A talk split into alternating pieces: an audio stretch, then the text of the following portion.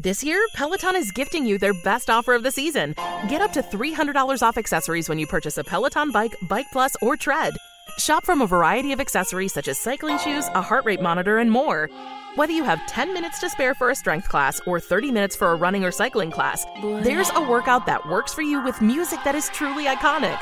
So don't miss out on Peloton's best offer of the season. Visit onepeloton.com to learn more. All access membership separate. Offer starts November 14th and ends November 28th. Cannot be combined with other offers. See additional terms at onepeloton.com.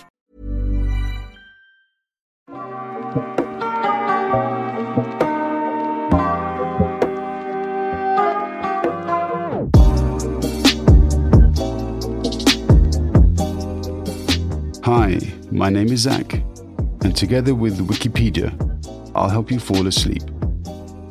Get cozy and relax. I'll read out loud to you. Today, Simone de Beauvoir and her impact on feminism.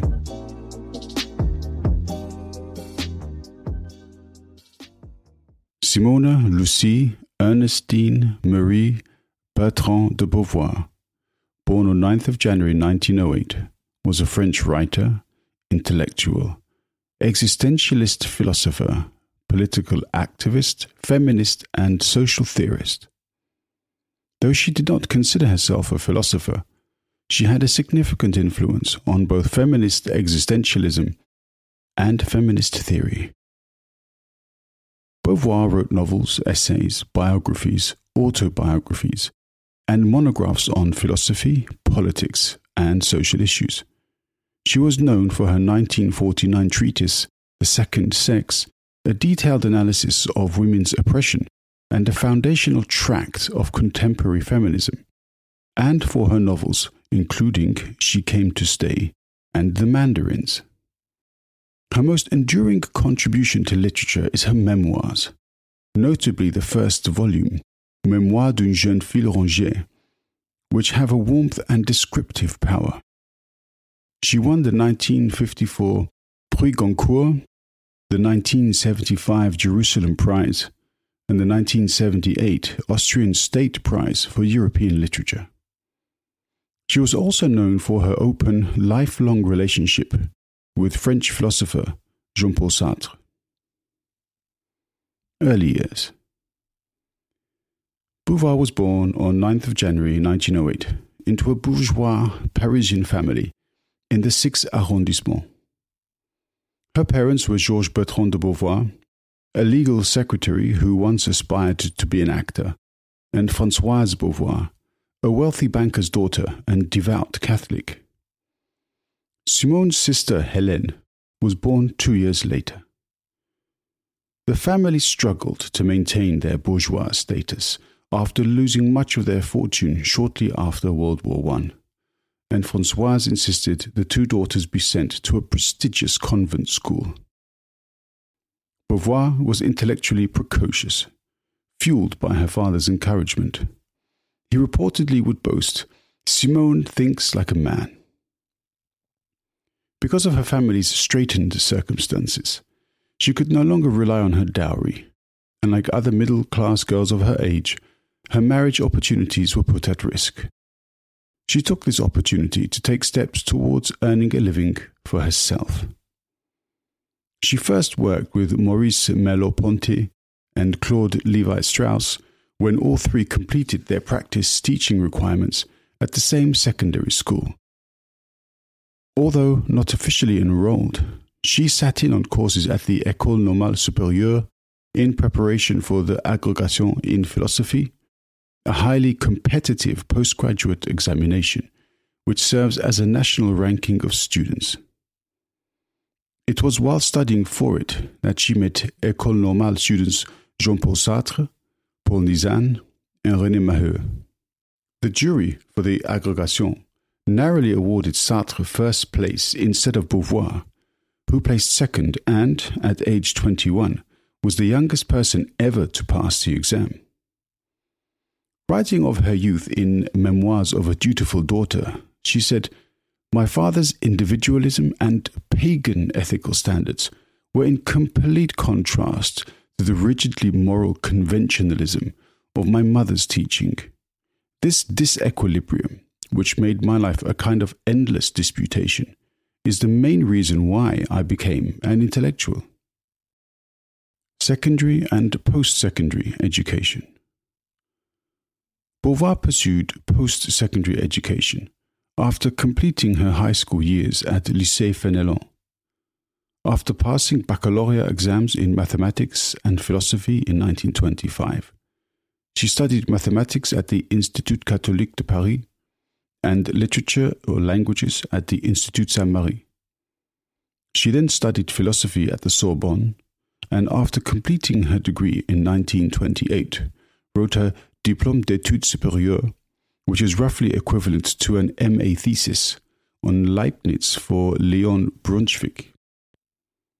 Her studies of political philosophy through university influenced her to start thinking of societal concerns rather than her own individual issues. Religious upbringing Beauvoir was raised in a strict Catholic household. She had been sent to convent schools as a youth. She was deeply religious as a child, at one point intending to become a nun. At age 14, Beauvoir questioned her faith as she saw many changes in the world after witnessing tragedies throughout her life. She abandoned her faith in her early teens and remained an atheist for the rest of her life. Beauvoir quotes Faith allows an evasion of those difficulties which the atheist confronts honestly. And to crown all, the believer derives a sense of great superiority from this very cowardice itself. Middle years. From 1929 until 1943. Beauvoir taught at the lycée level until she could support herself solely on the earnings of her writings. She taught at the Lycée Montgrand, the Lycée Jeanne d'Arc, and the Lycée Molière. Beauvoir and Jean Paul Sartre met during her college years. Intrigued by her determination as an educator, he sought out to make their relationship romantic. However, she had no interest in doing so. During October 1929, Jean Paul Sartre and Beauvoir became a couple after they were confronted by her father. Sartre asked her to marry him on a provisional basis. One day, while they were sitting on a bench outside the Louvre, he said, Let's sign a two year lease. Though Beauvoir wrote, Marriage was impossible, I had no dowry. Scholars point out that her ideal relationships described in The Second Sex and elsewhere bore little resemblances to the marriage standards of the day. Instead, she and Sartre entered into a lifelong soul partnership, which was sexual but not exclusive, nor did it involve living together. Sartre and Beauvoir always read each other's work. Debate continues about the extent to which they influenced each other in their existentialist works, such as Sartre's being and nothingness and Beauvoir's she came to stay and phenomenology and intent.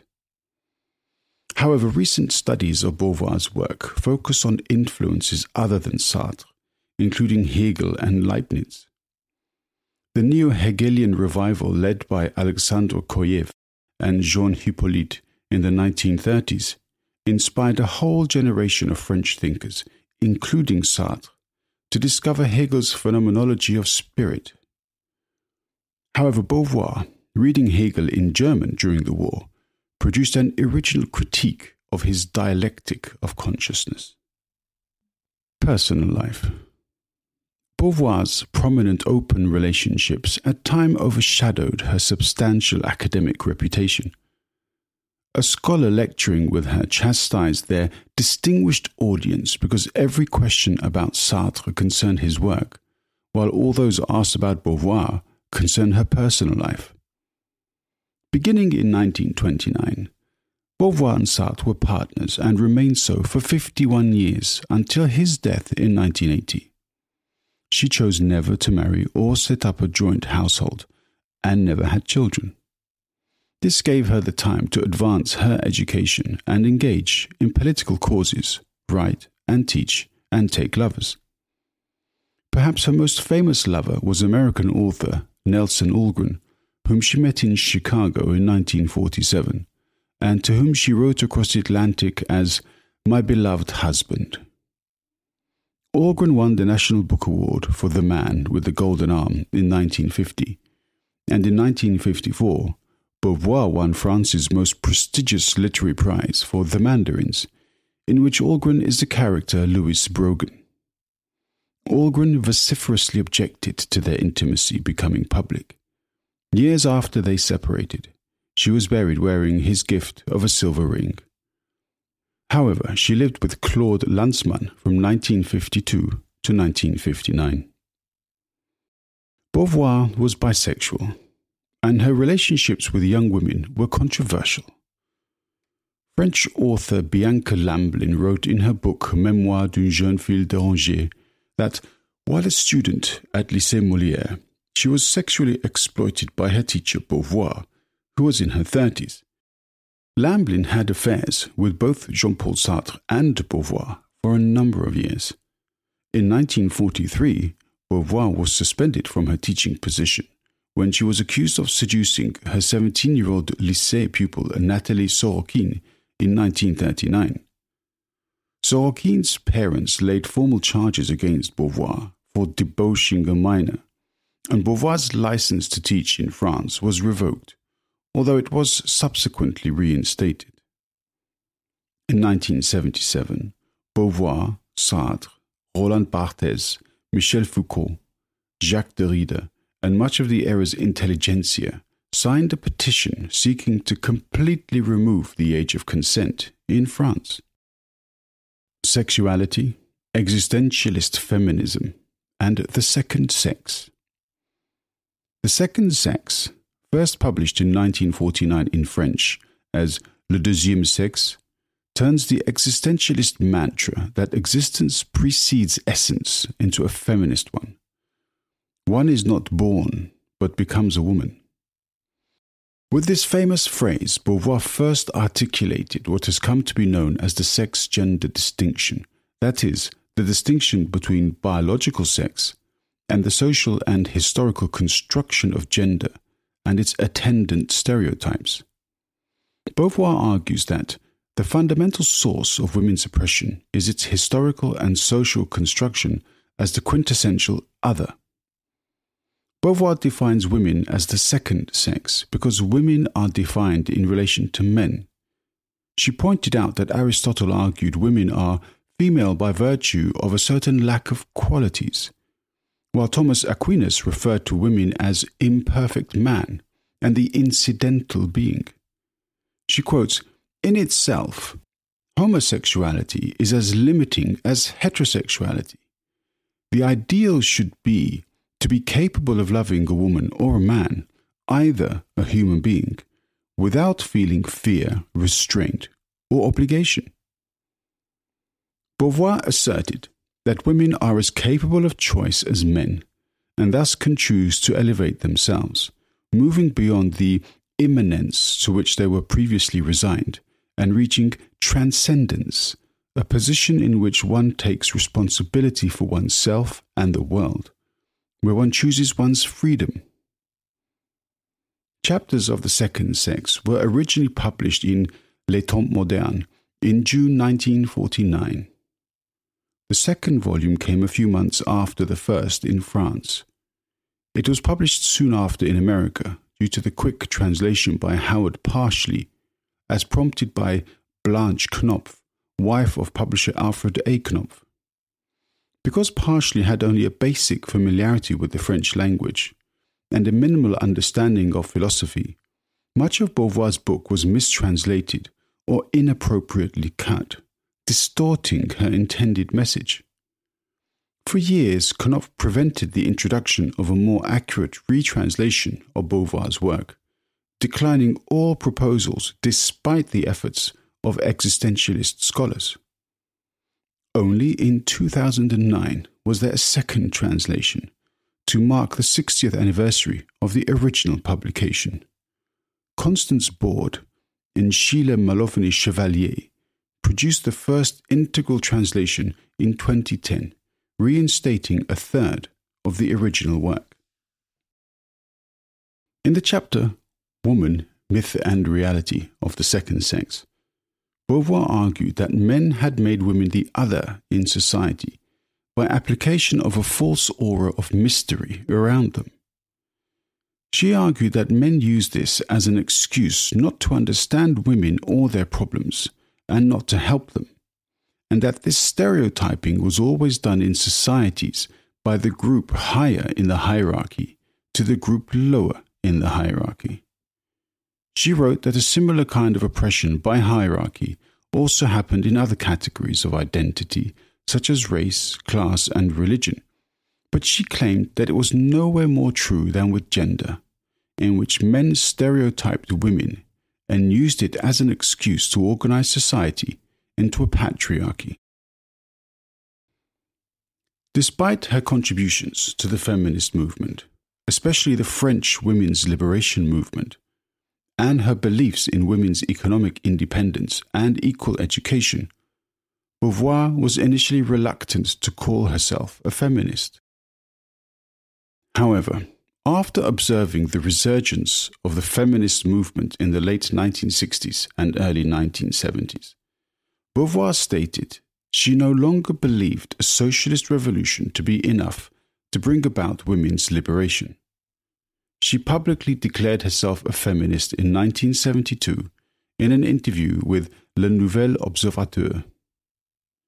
In 2018, the manuscript pages of Le Deuxième Sexe were published. At the time, her adopted daughter, Sylvie Le Bon Beauvoir, a philosophy professor, described her mother's writing process.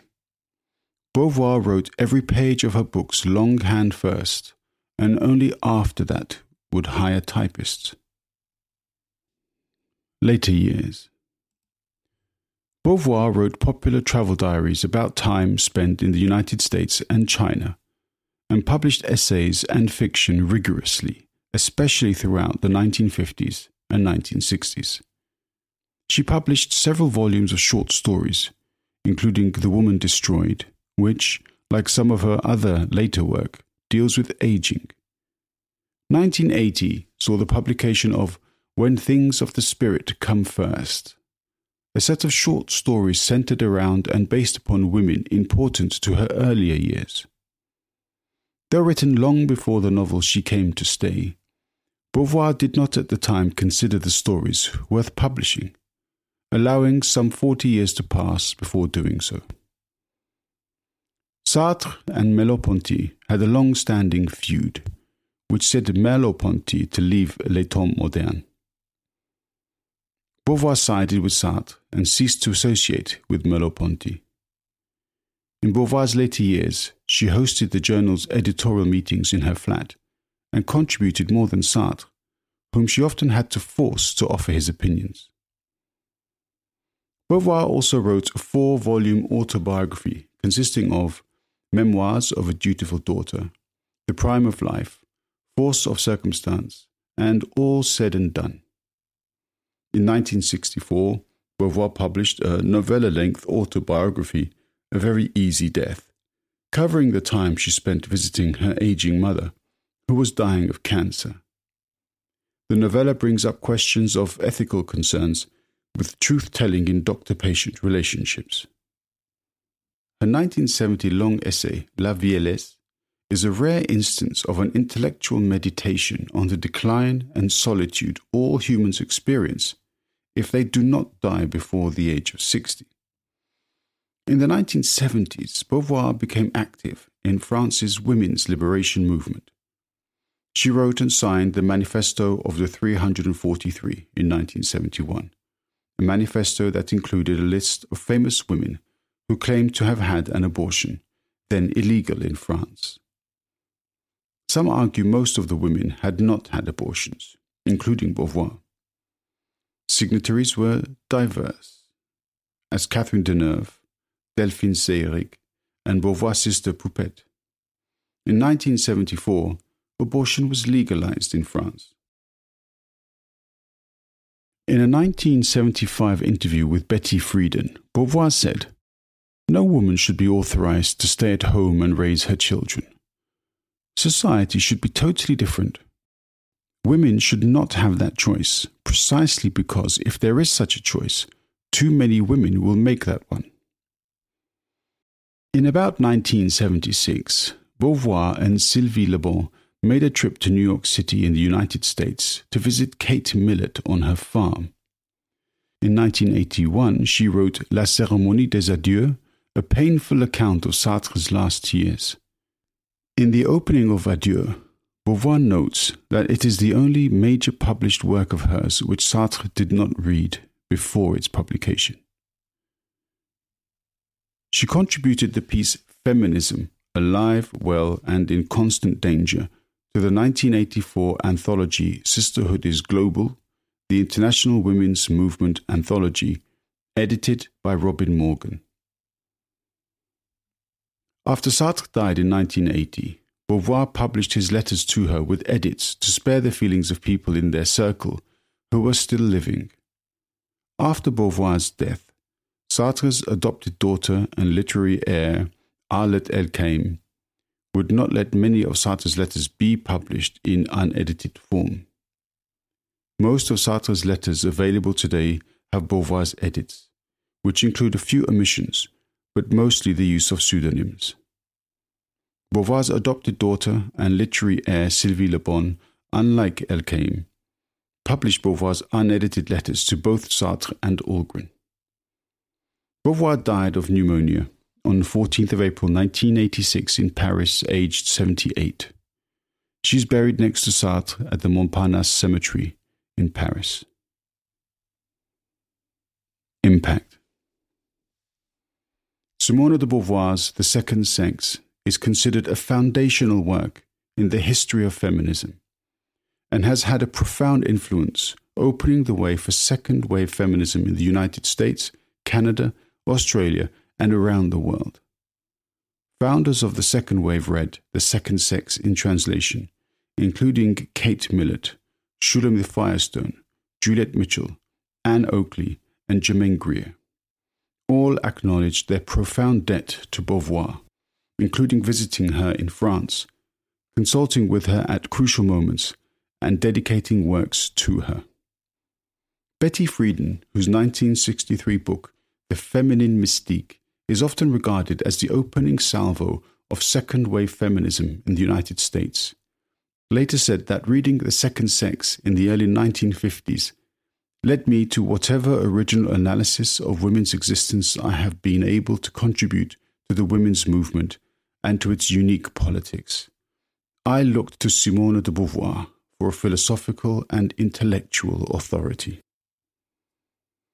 Beauvoir's influence goes beyond just her impact on second wave founders and extends to numerous aspects of feminism, including literary criticism, history, philosophy, theology, criticism of scientific discourse, and psychotherapy. Donna Haraway wrote that Despite important differences, all the modern feminist meanings of gender have roots in Simone de Beauvoir's claim that one is not born a woman. This most famous feminist sentence ever written is echoed in the title of Monique Wittig's 1981 essay, One is Not Born a Woman. Judith Butler took the concept a step further, arguing that Beauvoir's choice of the verb to become suggests that gender is a process, constantly being renewed in an ongoing interaction between the surrounding culture and individual choice.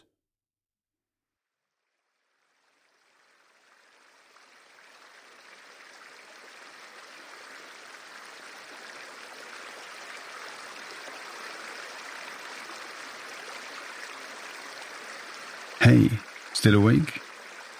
If you like this podcast, please hit subscribe and leave a rating in your podcast app. The podcast is available under Creative Commons Attribution. This podcast is produced and edited by Schønlein Media. Read by me, Zach.